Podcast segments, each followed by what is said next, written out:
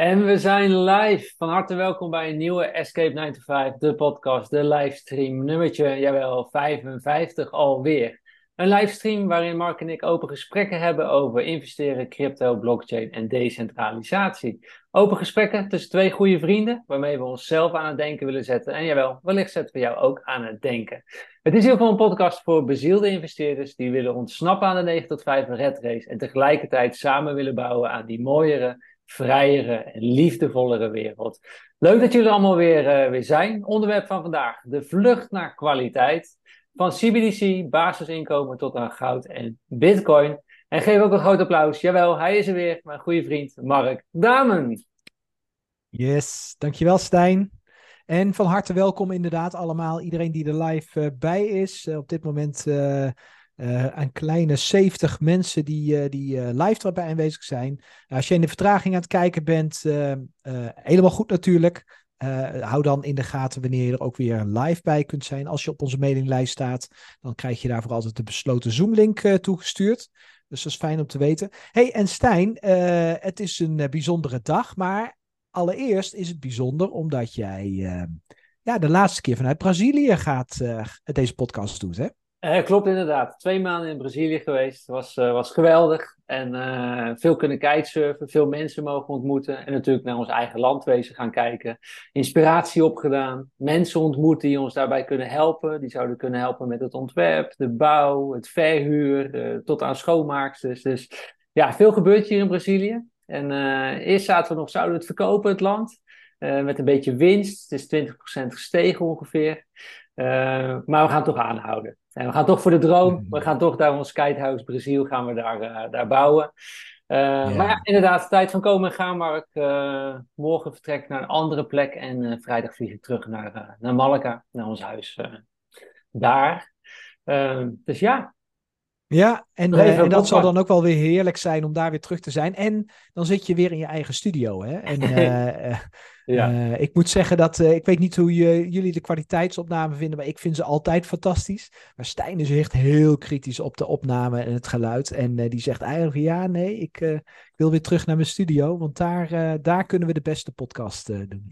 ja, ja, klopt, exact. Goed, en tegelijkertijd is er ook, we gaan een experiment met jullie aan. En we zijn benieuwd hoe jullie het vinden, maar we willen de, de podcast iets, iets korter gaan maken. En we willen gaan experimenteren met 45 minuten podcasten. Uh, laat gewoon in de, de comments weten wat jullie ervan uh, van vinden.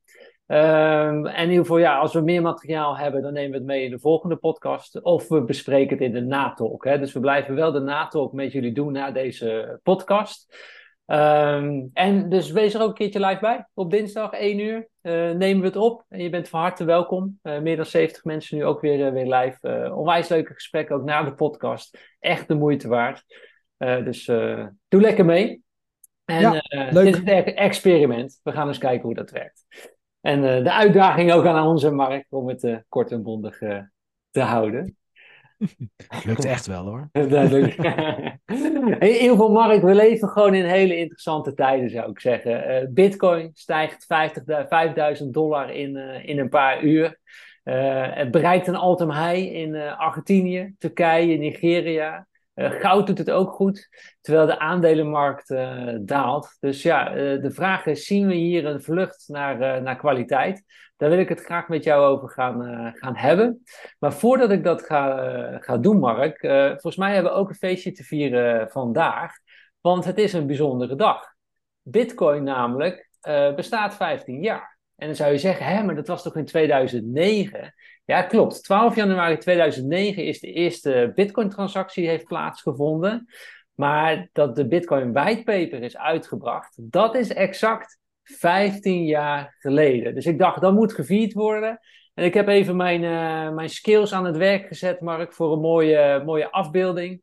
En ik uh, ben tot dit uh, gekomen om het te vieren dat Bitcoin de whitepaper 15 jaar lang op deze wereld zich uh, rondgeeft. Uh, wat, wat, vinden jullie ervan, van mijn uh, Photoshop skills? hey, ik vind het sowieso fantastisch. Ik vind het al cool dat je die moeite hebt genomen. En natuurlijk daarvoor gebruik gemaakt van ChatGTP. ja. ik, ik zit even te kijken welke, welke is de leukste. Ja, laat dat heel even onder de video ook achter of in de chat. Van welke vind jij het mooiste? De linkste boel, een beetje paars, of de blauwe boel?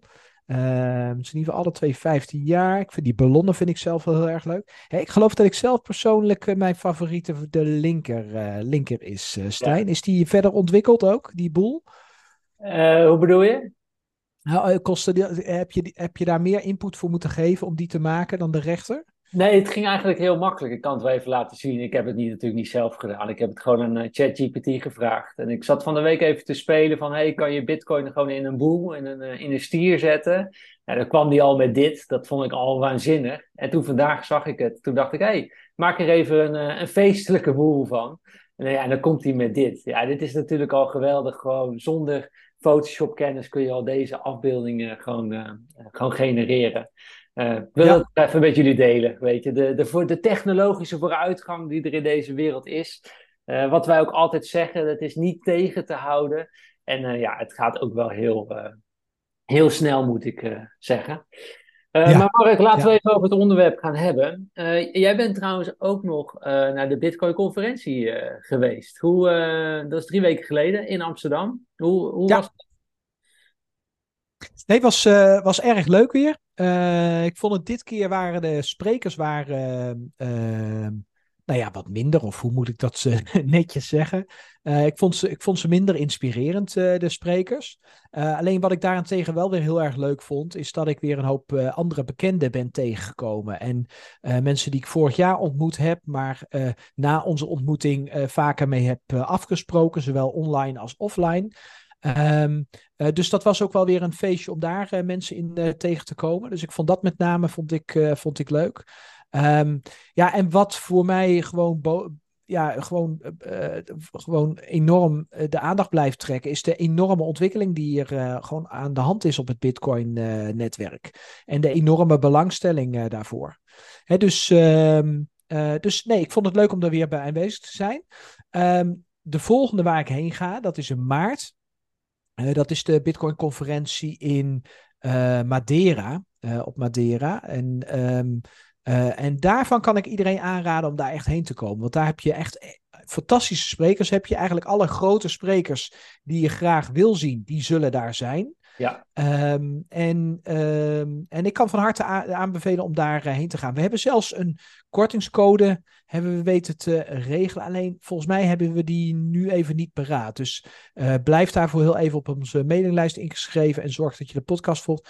Deelt en dan uh, zullen we dat, of de, bekijkt, dan zullen we dat de volgende keren zullen we dat delen. Het is pas in maart. Um, maar het is echt onwijs leuk om daar, uh, daarheen te gaan. Uh, en daarbij dan kom je gewoon ook naar een prachtig eiland uh, Madeira. Dus ik zou, wat ik zelf doe is, ik ga er een week heen dan. Bitcoin conferenties drie dagen uit mijn hoofd, twee of drie dagen. Ehm, maar ik ga er zelf een week heen om ook gewoon lekker van het eiland te genieten en, en te connecten met veel mensen die ik daar ondertussen ken. Ja, ja mooi. Ik, ik zal die code nog even opzoeken en onder de video zetten. En uh, we kunnen het ook in de volgende podcast uh, delen. Leuk als ja. er meerdere Escape 95ers naar, uh, naartoe gaan. Ik heb zelf ook die Bitcoin-conferentie Amsterdam heb ik gedeelte van gezien, Mark. ik vond iets heel interessants. En ik wil het ook even voorleggen aan het, aan het publiek en alle kijkers. hoe belangrijk vinden jullie vrijheid van meningsuiting? laat het even weten in de, in de chat. Uh, laat het ook weten onder de video. Hoe, hoe belangrijk is nou uh, vrijheid van meningsuiting voor, uh, voor jou?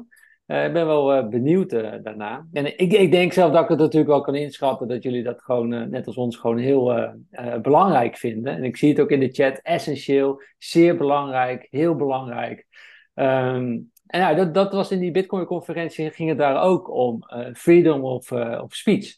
Um, alleen, hoeveel vrijheid heb jij als jij niet de vrijheid uh, van transacties hebt. En dat vond ik zo, uh, zo interessant. Die man die beargumenteerde tijdens die conferentie van ja, iedereen is gefocust op freedom of speech. Maar je zou eigenlijk moeten kijken naar freedom of transactions. De vrijheid van transacties. Dat is eigenlijk nog belangrijker dan de vrijheid van meningsuiten. En, en waarom, zei hij dan? Van ja, als jij iets niet kan zeggen omdat daarna jouw rekening wordt geblokkeerd, ja, dan heb je dus, dan kun je wel vrijheid van meningsuiting hebben, maar jij gaat het niet zeggen, omdat de kans is dat jouw rekening geblokkeerd gaat, uh, gaat worden. En, en dat lost Bitcoin op. Dat jij de freedom of transaction hebt. Dat is Bitcoin. Want geen enkele instantie, overheid of wie dan, ooit, wie dan ook kan ooit jouw Bitcoin-transactie tegenhouden. Dat is onmogelijk. Dat kan gewoon niet. En dat is eigenlijk het hoogste goed wat we kunnen behalen. En daaronder zit eigenlijk de freedom of, uh, of speech. En dat vond ik een, uh, ja, vond ik een onwijs mooi inzicht, gewoon, Mark. Zo had, ik, ja. zo had ik nog even niet naar Bitcoin gekeken. Nee, nee, maar het is wel inderdaad helemaal waar. We hebben dat natuurlijk de afgelopen jaren hebben we het ook, uh, hebben we het ook gezien. Hè? We hebben de truckers hebben we in uh, Canada gezien, maar ook in Australië hebben we veel ophef hebben we gezien. En uh, binnen Europa zien we dat ook. Vorig jaar op de Bitcoin-conferentie hadden de sprekers die daar aanwezig waren, hadden daar ook mee te maken. Iedereen werd ge, uh, getreiterd, noem ik het maar, uh, door Chanteerd. hun financiële instelling. Ja, uh, gechanteerd inderdaad. door bankrekeningen die opgezegd werden, kredieten die opgezegd werden, hypotheken die zelfs opgezegd werden.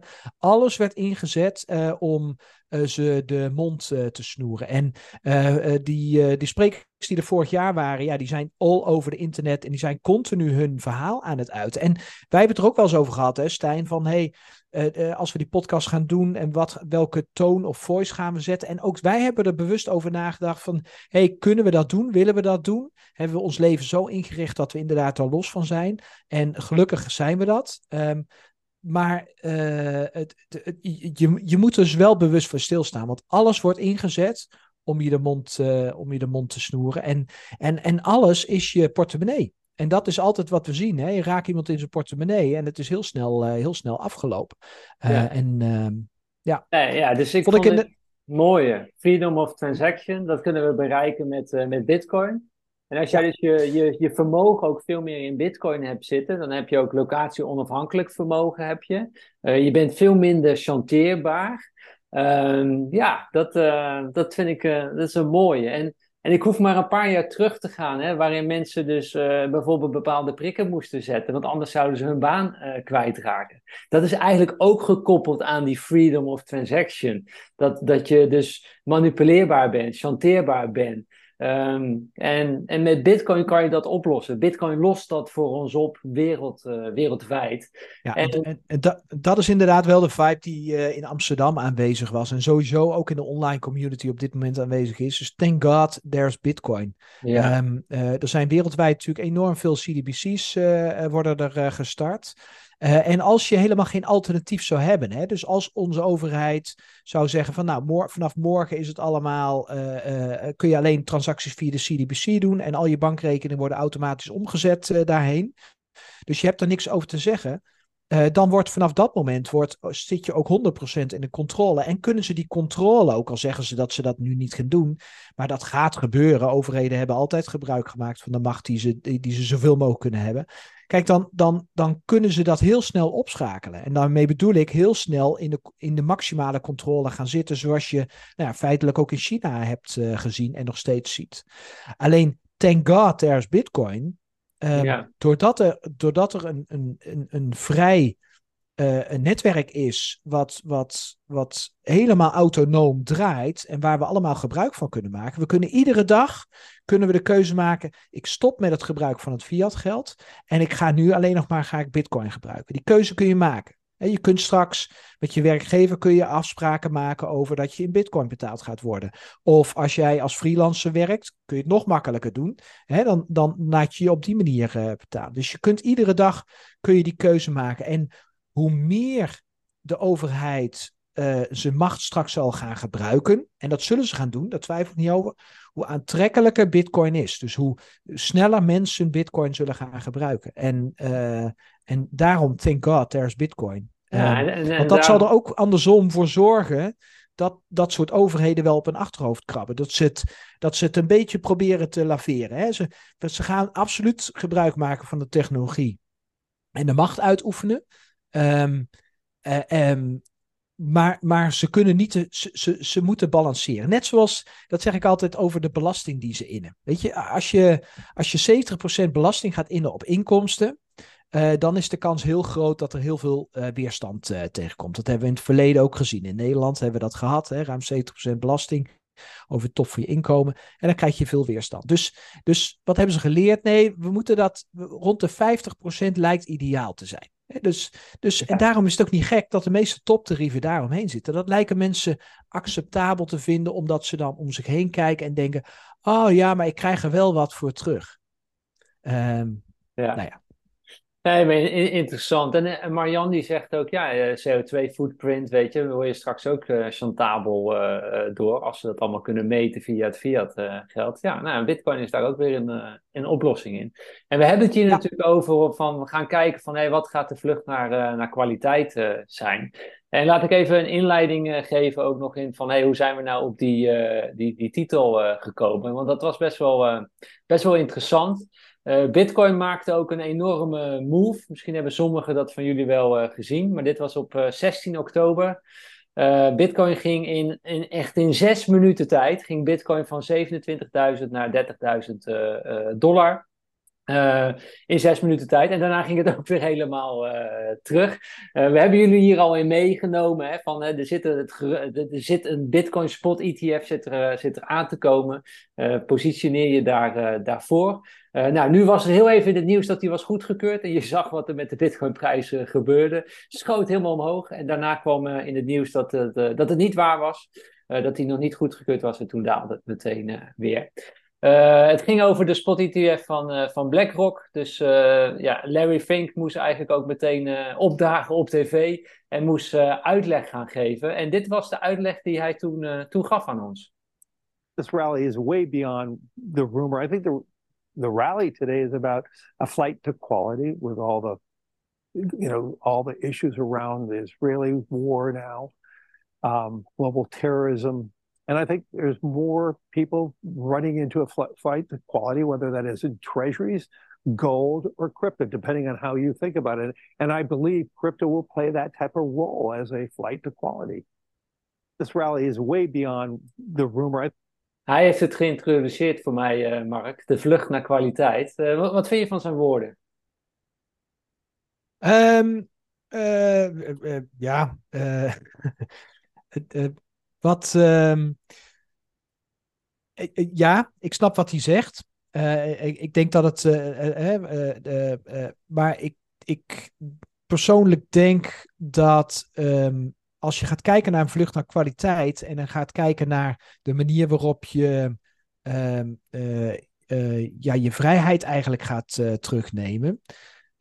ik denk dat mensen wereldwijd op dit moment in een hele onrustige wereld uh, op zoek zijn naar veiligheid en betrouwbaarheid. En uh, als je uh, traditioneel richten mensen zich tot een kerk of tot uh, politiek of tot hun eigen land als ze in een ander land wonen. En ga je eigenlijk terug naar hetgeen wat je kent. Um, alleen als je nu wereldwijd gaat kijken en je vlucht terug naar wat je kent, dan, dan, dan vind je die veiligheid niet meer terug. Dus ik denk dat mensen op dit moment op zoek zijn naar nieuwe veiligheid. En um, Bitcoin mag dan iets zijn wat heel onveilig voelt. Zeker omdat het natuurlijk een verleden heeft dat het vooral met crimineel geld gebruikt werd. En uh, de koers die natuurlijk alle kanten op gaat. Dus dat kan helemaal geen, niet als veiligheid voelen. Totdat je uh, Bitcoin gaat snappen en de technologie gaat snappen en snapt dat niemand daar wat over te zeggen heeft. Dat hoe groot een politieke macht ook is, hoe, hoe, hoe machtig die ook met zijn leger is of met zijn geld is, uh, dat hij geen, helemaal niks te zeggen heeft over uh, hoe dat protocol draait. En dan kom je uh, erop neer dat als je dat goed gaat begrijpen, dat Bitcoin misschien op dit moment wel het enige echte veilige is in de wereld. En kijk, als je kijkt naar goud bijvoorbeeld, ook, eh, ook zo'n traditionele waar mensen heen kunnen vluchten op het moment dat, uh, dat we weer teruggaan naar het bekende. Weet je, goud is in de geschiedenis van de mensheid, is natuurlijk op verschillende manieren is afgenomen. Je moest dat inleveren. Uh, als je dat niet deed, uh, stonden daar zware straffen stonden daarop. Um, en ik denk dat dat, dat kort geleden geweest is, dat mensen die met geld, die zich echt in verdiepen van waar kun je veiligheid vinden, dat die zich dat kunnen herinneren, dat die dat weten.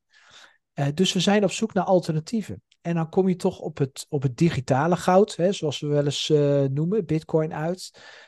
omdat ja, dat is het meest veilige wat er op dit moment is. Daarbij heeft het nu een track record van uh, bijna 15 jaar.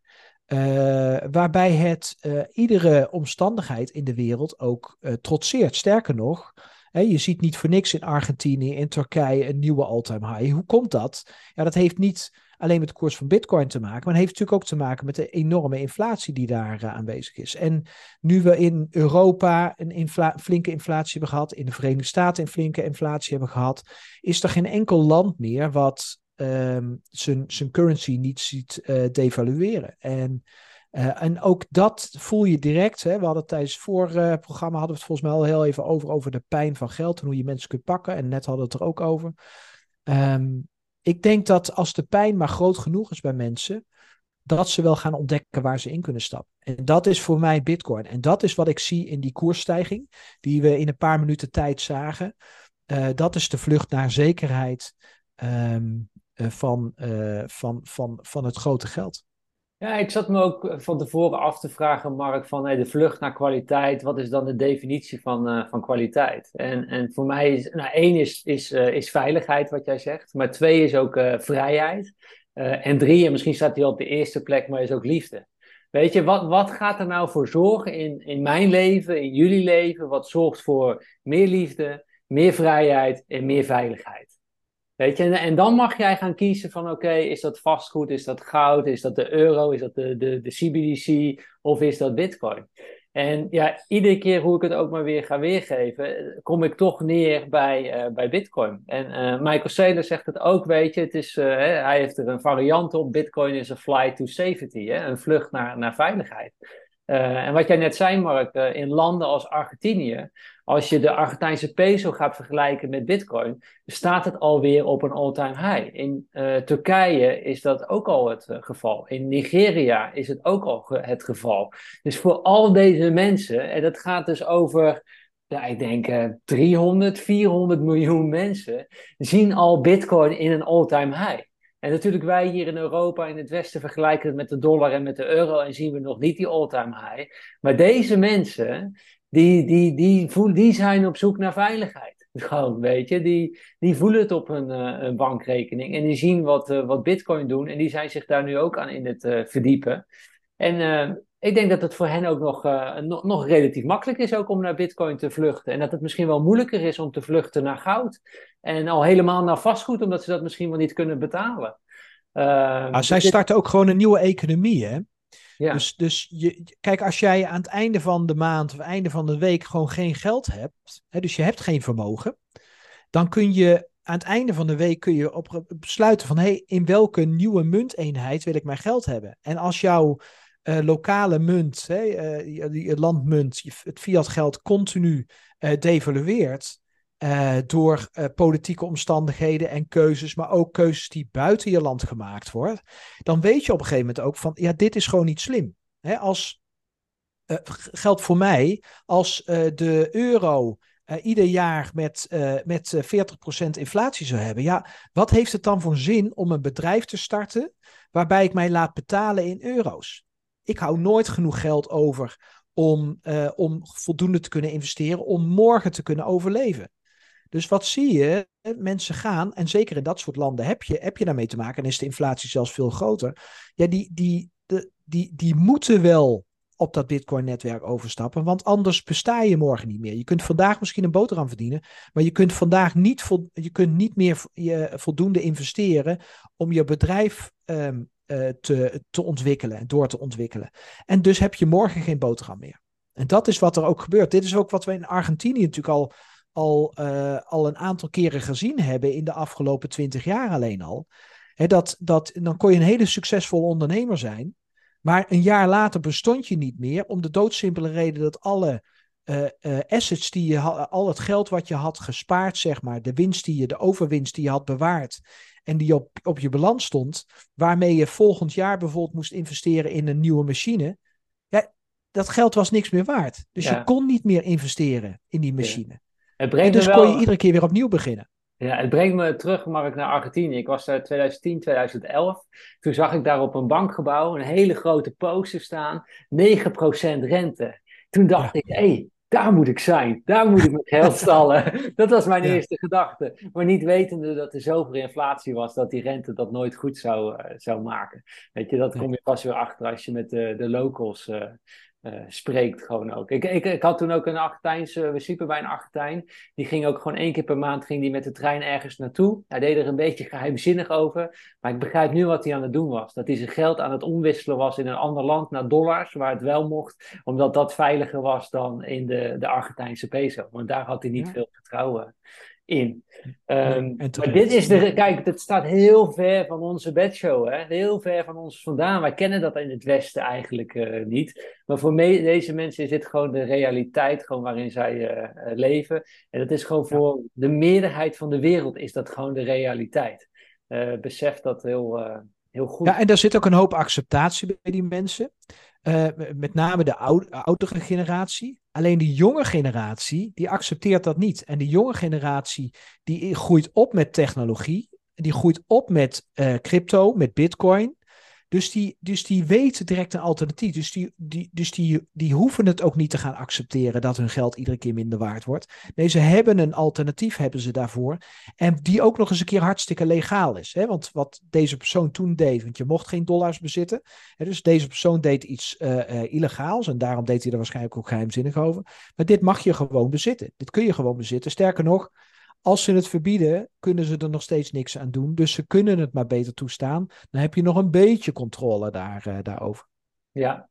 Ja. Uh, laten we ondertussen ook eens kijken naar een. Uh, deze week is het ook gepubliceerd, Mark. een vlucht naar kwaliteit. de CBDC zit in zijn volgende fase.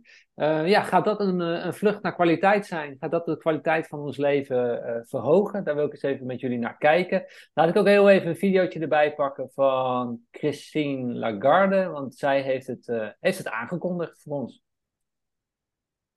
The digital euro is on the move. Yesterday, the Governing Council of the ECB approved the opening of the preparation phase. It will be a journey. and we will walk the journey together with the legislator. All European institutions will be involved to make sure that Europe is equipped with the currency of the future.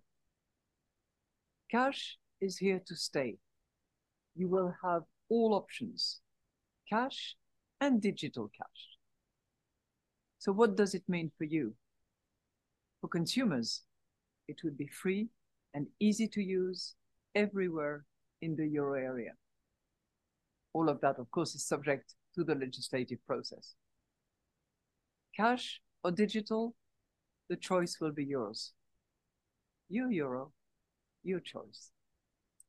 Kijk eens aan. Onze euro, onze keuze.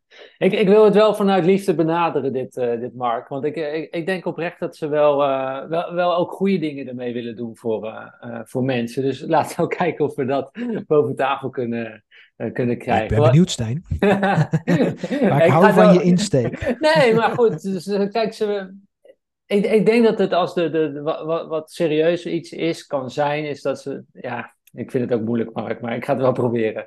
Maar kijk, ze, ze willen natuurlijk het, het geld van de commerciële banken naar de Europese Centrale Bank eh, brengen. Om eigenlijk gewoon uh, rust te geven aan de mensen van hé, hey, wij hebben jullie uh, geld daar wel gedekt. Dus het is eigenlijk, ja, natuurlijk een pleister op de, op de open wond natuurlijk. Maar uh, om een beetje rust in de economie en de vertrouwen te, te, te houden. Um, en anderzijds willen ze het, ik denk dat ze terrorisme echt oprecht willen, willen, willen bevechten er ook mee. Hè? Alleen, ik denk niet dat dit een oplossing is door alle transacties te gaan controleren, dat je daarmee ter terrorisme gaat bestrijden. Weet je, dus dat is, ik denk dat ze dat oprecht voor ogen hebben. Maar het gaat ze niet lukken. Dat is niet de manier, weet je. Je moet gewoon mensen op hete daad betrappen en dan bestraffen bijvoorbeeld. En, en niet daarvoor. Nu zijn, omdat er een paar kwaaien zijn, is het grote publiek is er, uh, het slachtoffer er, uh, ervan. Dat die de privacy moet inleveren.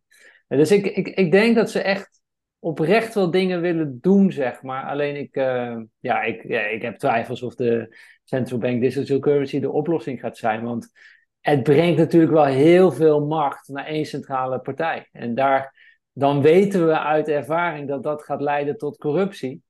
Ehm, en dat één partij alles kan bepalen voor je. Ja, dan, dan, en dan ben je afhankelijk van die partij. Dan ben je chanteerbaar. Weet je, de freedom of transaction, die gaan we verliezen hier, uh, hierdoor. Dus uh, nee, het gaat niet de kwaliteit van mijn leven vergroten. Hoe, uh, hoe kijk jij ernaar, Mark? Ja, ik vind het echt één groot onzin uh, uh, systeem. Kijk, um, een, een CDBC en de, en de technologie van blockchain is heel mooi. En uh, wanneer je in een land een heel duur bankensysteem hebt, zoals in Afrikaanse landen bijvoorbeeld, omdat die nog steeds afgeperst worden door de uh, Franse centrale bank, uh, uh, omdat bepaalde landen alles nog steeds via geen eigen centrale bank moeten hebben. Ja, die hebben ze een heel duur, duur bankensysteem. Dus niet te gebruiken voor mensen. Daar is blockchain fantastisch voor. En als je iets uitrolt om het mensen makkelijker te maken, nou, helemaal, helemaal top. Um, hè, en als je maar de vrije keuze hebt om daar gebruik van te maken of niet. Maar in Europa hebben we een heel mooi bankensysteem. En, ja. en, en werkt dat heel goed. Op het moment dat ik geld naar jou overmaak uh, en je hebt een bankrekening in, in, in, binnen de EU, dan staat dat uh, bij de meeste banken binnen enkele seconden op jouw rekening. Heb jij je daar beschikking over? Dus, um, dus ik snap dus dat ook niet dat ze wij als consument. Ja. Wat zei je? Ja, ik snap ook niet waarom wij het nodig hebben, die CBDC. Snap je? Wij, hebben, wij hebben het niet nodig. Wij hebben, de, de overheden hebben het nodig. Uh, ja. uh, precies om. En, en, en, en ik probeer. Ik, ik, vind, ik vind het heel inspirerend wat je zegt. Van ja, laten we. Hè, wat je eigenlijk zegt. is laten we ons hart zuiver houden. En laten we vanuit liefde spreken. Ja, ik vind het alleen lastig. Ik, ja, ik snap, ik snap wat je zegt. Maar ik vind het alleen lastig. Omdat er echt geen enkele reden is. waarom dit zou kunnen werken. Op het moment dat je mensen echt zou willen helpen dan zou je namelijk um, uh, gewoon kijken naar een openbare blockchain.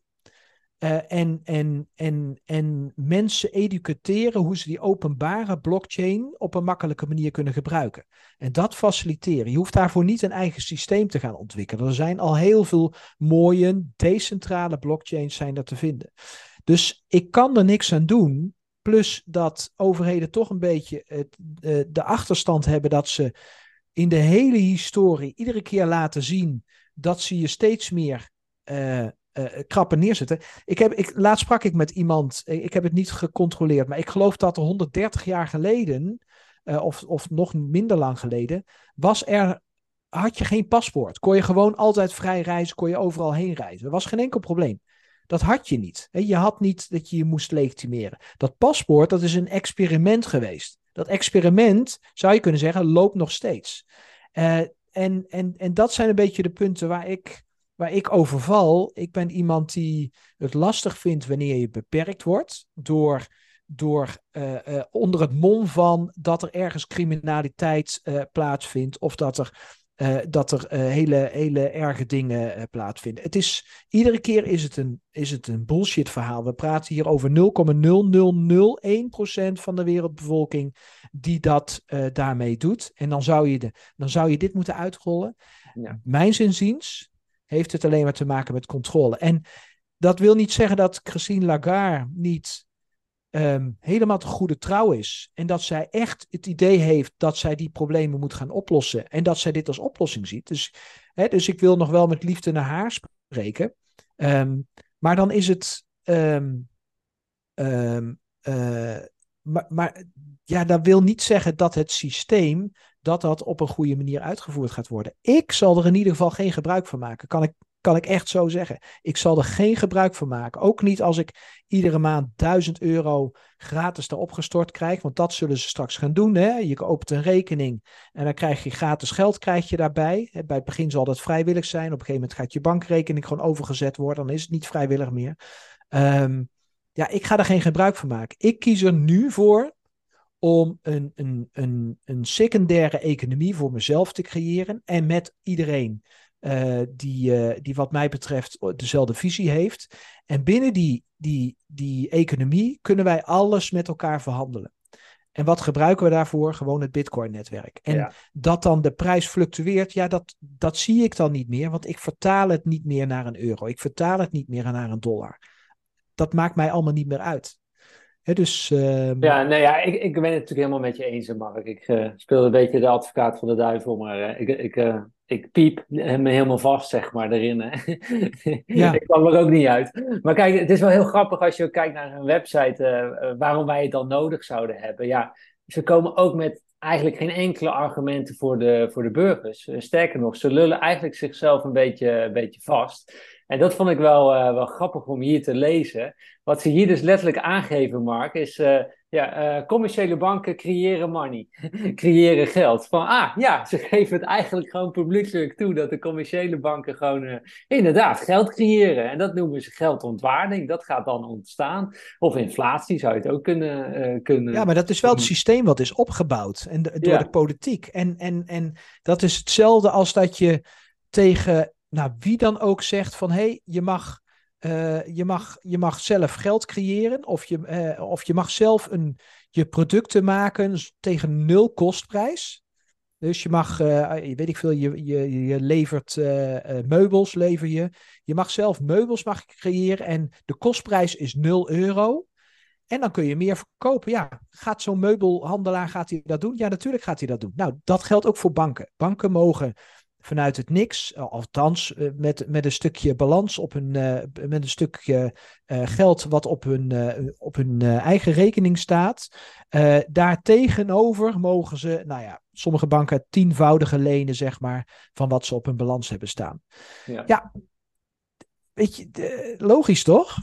Ja, ik vind, ik dat vind is het wel... systeem. Ja, nee, ik ben het helemaal met je eens. Maar ik vind dit wel, wat ze hier doen, de ECB, de, de centrale bank, is eigenlijk wel een aanval plegen op de commerciële banken. Want ze geven een beetje de schuld van, ja, die commerciële banken, die lenen allemaal geld, die creëren het geld. Wij gaan dat niet doen als ECB, maar zij gaan dat natuurlijk ook gewoon uh, doen. Alleen de alle controle gaat naar Brussel.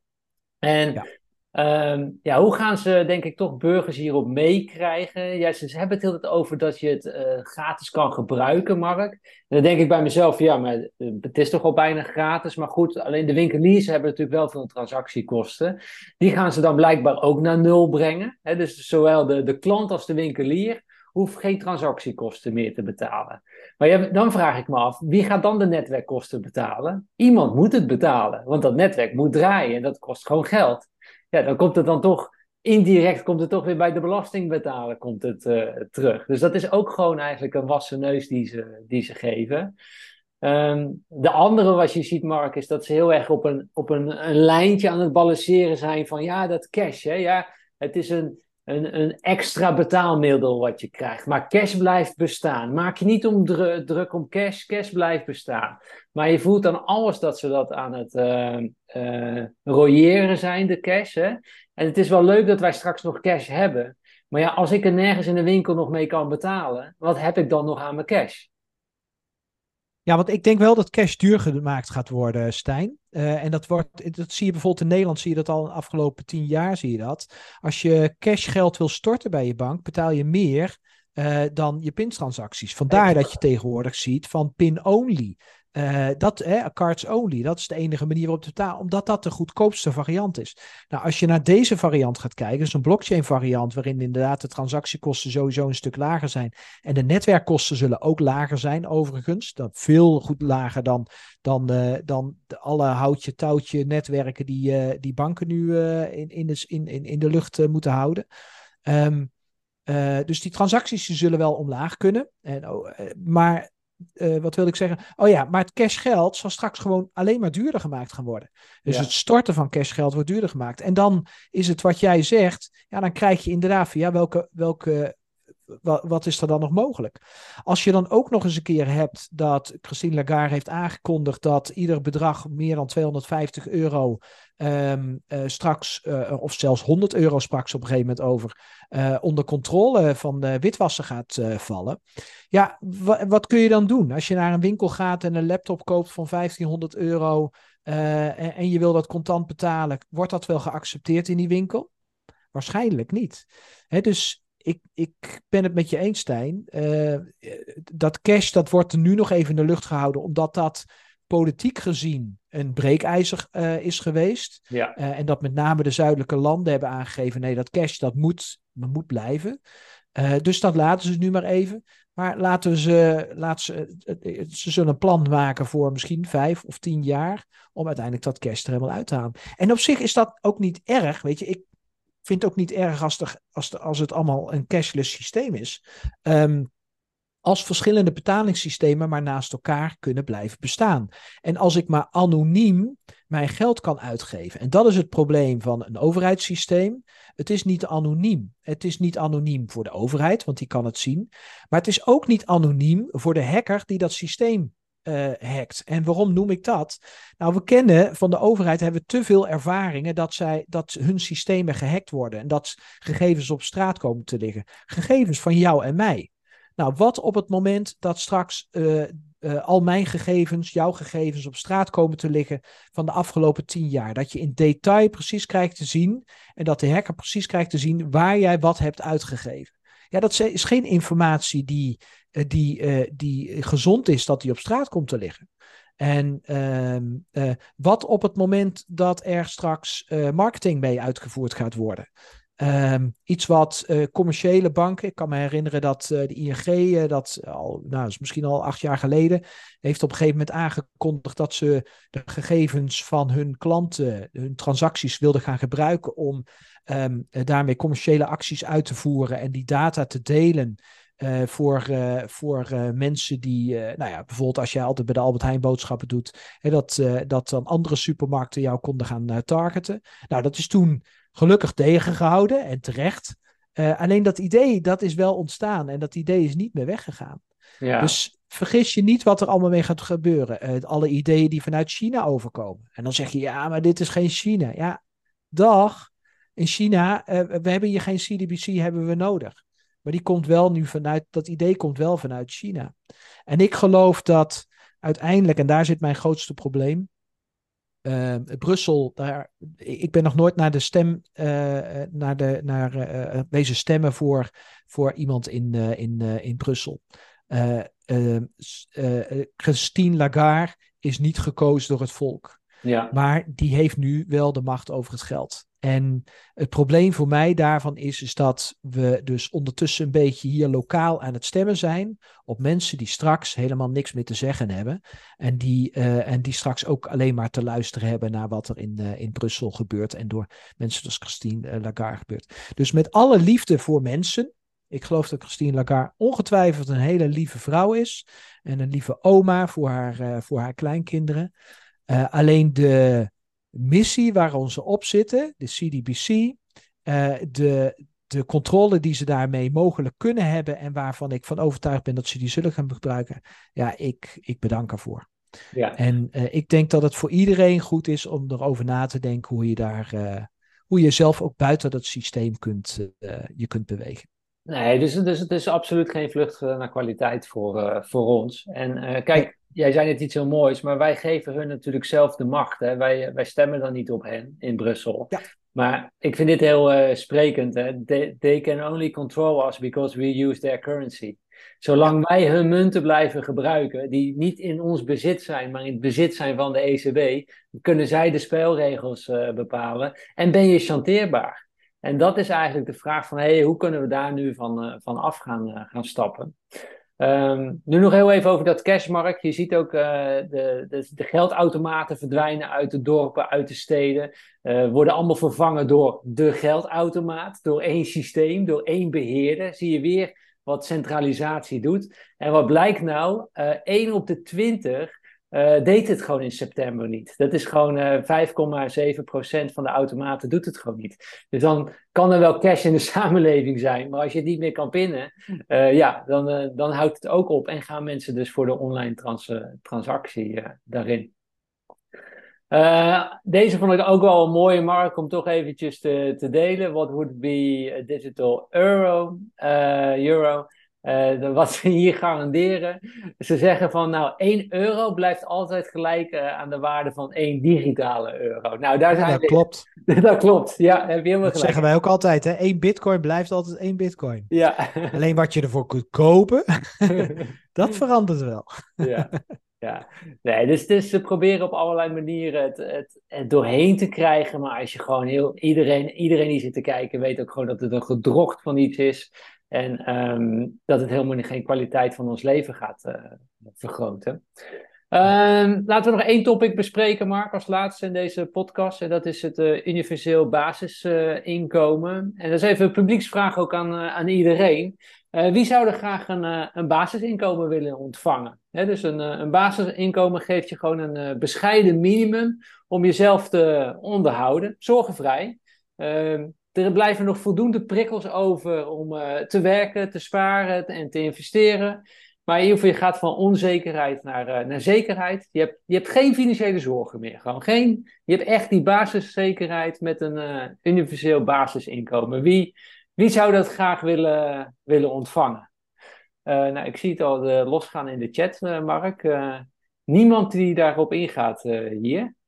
Ja. Um, ja, had ik niet helemaal verwacht. Ik, had, ik probeerde mijn verhaal nog zo goed mogelijk te doen, weet je. Geen financiële zorgen meer, uh, geen, gewoon bestaanszekerheid en toch niemand die dat wil, uh, wil, wil hebben.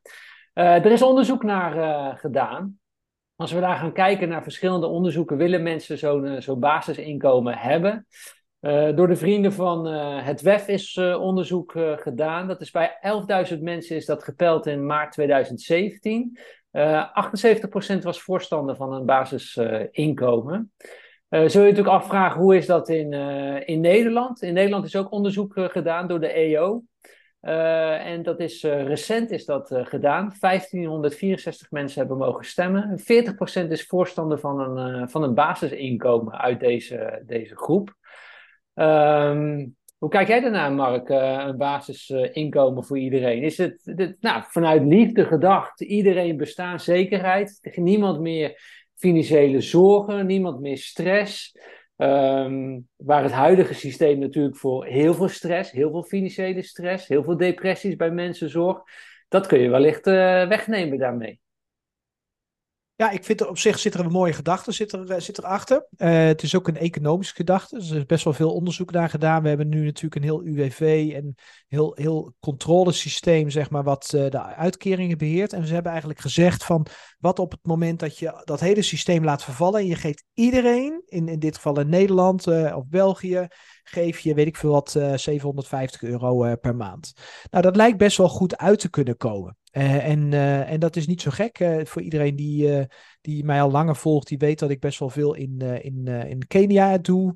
en met goede doelen bezig ben. En ook wij hadden afgelopen week had ik met het bestuur gesprek over.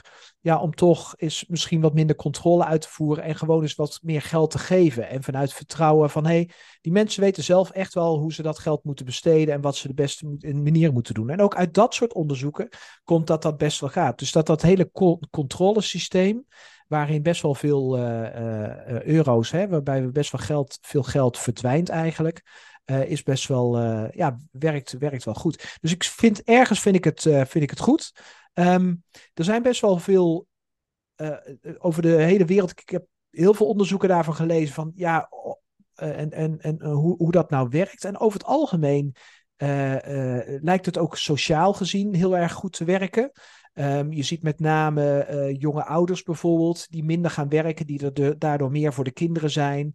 Uh, je ziet dat de uh, sociale um, belangstelling voor elkaar, de hulp naar elkaar, dat die toeneemt. Dus er zitten best wel veel mooie dingen in.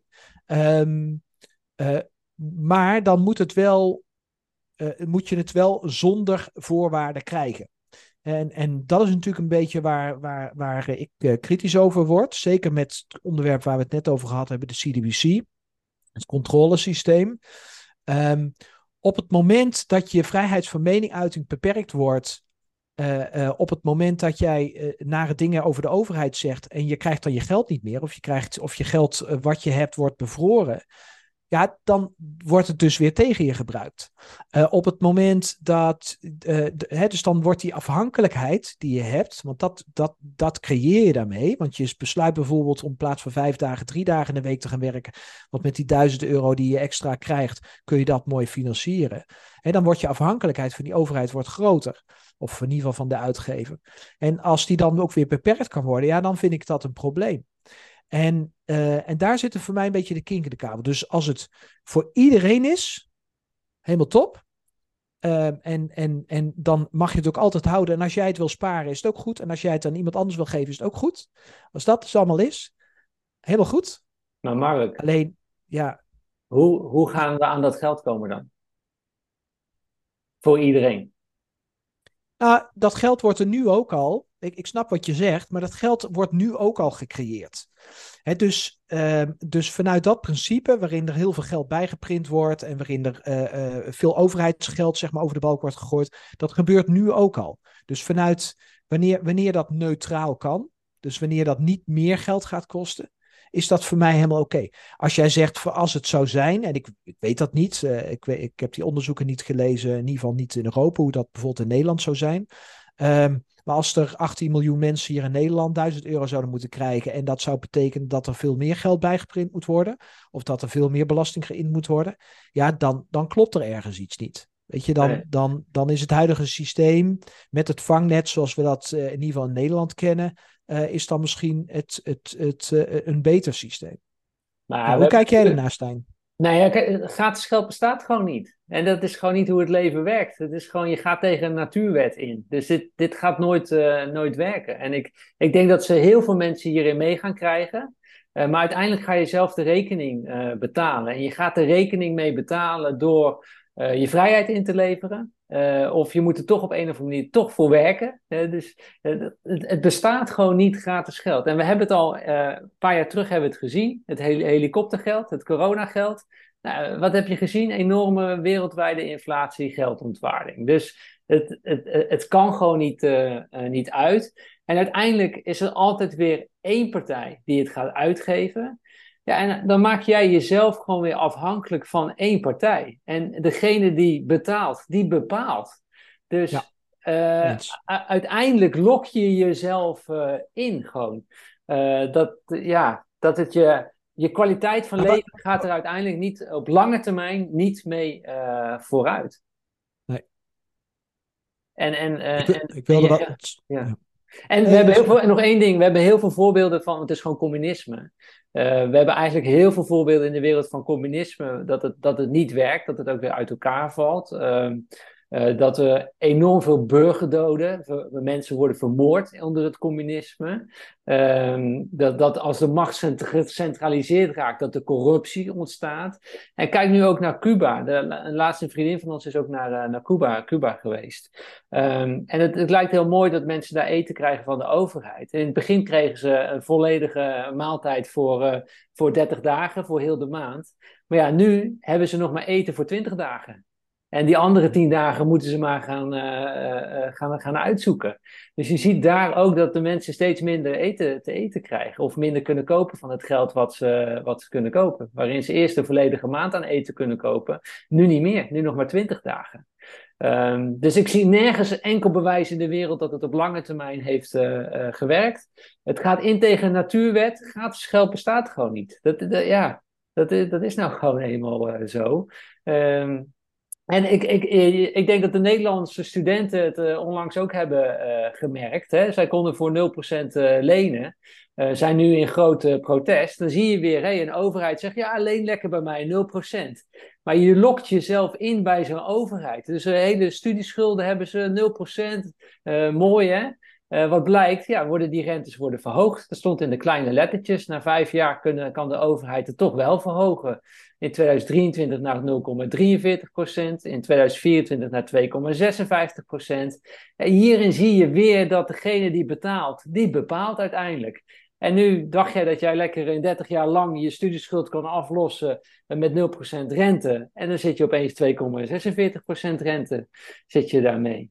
Uh, dus dat is dan, dan dat is de manier hoe je terug gaat betalen. Is dat op, op een gegeven moment de spelregels worden aangepast. En dan moet je er toch voor werken.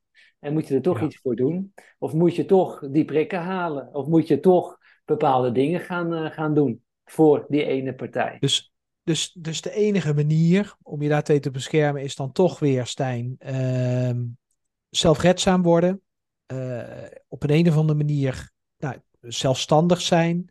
Uh, buiten de bestaande economie uh, een, je geld uh, creëren. Dus Bitcoin of een andere blockchain variant. op die manier daar ook klanten bij zoeken, mensen bij zoeken. Um, waar het kan, zo snel mogelijk je geld, hè, als je je geld nu gewoon in fiat krijgt, zo snel mogelijk omzetten naar de blockchain. Zodat je het daar buiten hebt. Want dan heb je pas zekerheid en uh, bouw je je afhankelijkheid af. En tegelijkertijd zijn er natuurlijk ook heel veel mensen, maar daar kunnen we het misschien een andere keer over hebben, die nu natuurlijk afhankelijk zijn. Nee, die zijn met pensioen. Die, hebben hun, uh, die zijn afhankelijk van de pensioenuitvoerder. Uh, AOW kan dat zijn vanuit de overheid. maar het kan ook aanvullend pensioen zijn via pensioenfonds. Ehm, ja, dan, dan kun je het niet meer creëren. Behalve dat je het zo snel mogelijk kunt omzetten om er in ieder geval buiten het systeem je geld te gaan bewaren. Ja, ik vind het ook wel mooi wat Gijs zegt. Gijs zegt uh, als tegenreactie op mij van uh, geld is een afspraak, geen natuurwet. Ja, maar de natuurwet is wel dat als jij er geen energie in stopt, dat je, ja, dan, dan, ga je, dan kan je ook niks terug verwachten. Je moet er eerst energie in stoppen om iets terug te kunnen verwachten. Dat is de natuurwet. En daar gaan we tegen in. En dat is met gratis geld. Zonder energie erin te stoppen, gratis geld ontvangen. Ik geloof daar niet in. Dat is niet hoe, de, hoe het hier werkt op deze, deze wereld.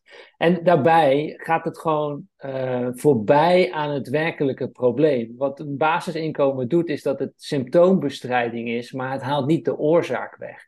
En wat is de oorzaak van het probleem? Is dat we niet een harde geldstandaard hebben, maar dat er geld bijgeprint kan worden. Dus ik denk, de echte oplossing is teruggaan naar een harde geldstandaard.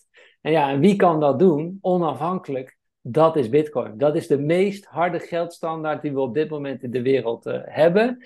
Um, en dan ga jij dus energie er ergens instoppen en word jij beloond met hard geld, met Bitcoin. En dat gaat op lange termijn gaat dat niet, uh, waarschijnlijk niet, uh, niet, niet, niet, dalen. Omdat het uh, vraag naar is, schaarste is, et cetera. terwijl je met, met de euro 100%, 100% zekerheid hebt dat je koopkracht naar beneden gaat. Gewoon op de lange termijn. Dus ik, het, het probleem zit erin in de, dat we niet een harde geldstandaard hebben. Maar het, het mooie is dat we, thank God, we, we, we have Bitcoin. Um, laten we het met elkaar inzien dat we dat, uh, dat hebben. En dat we het meer gaan, uh, gaan omarmen. Dus voor mij is dat de vlucht naar kwaliteit. Is, uh, is richting Bitcoin het grootste deel, gedeelte. Mark, 25 minuten zitten erop. We zitten op 55. Precies. Ik kon het toch niet laten om het laatste nog even af te maken. ik hoop dat jullie het allemaal weer interessant vonden. Dat het jullie aan het denken heeft gezet. Uh, volgende week een nieuwe, nieuwe podcast. Uh, wil ik het met jullie eens hebben over Bitcoin-urbanisme. Bitcoin en stedenbouw. Laten we daar eens naar kijken wat de invloed van Bitcoin daarop is. En uh, ja, wat als we een harde geldstandaard heb, hebben hier in de wereld? Hoe, hoe zou dat de kwaliteit van ons leven gaan, gaan vergroten? Daar wil ik het met jullie de volgende keer eens over, over hebben. Er zitten veel misverstanden op die ons zijn geleerd door centrale partijen dat het niet zou werken. Ik denk daar toch anders over en dat uh, gaan we volgende week met jullie delen. Dus uh, bedankt heel veel weer voor het kijken. Uh, wij praten nog even na in de natalk met iedereen. En tot volgende week weer. Ciao, ciao. Tot ziens. Hoi, hoi.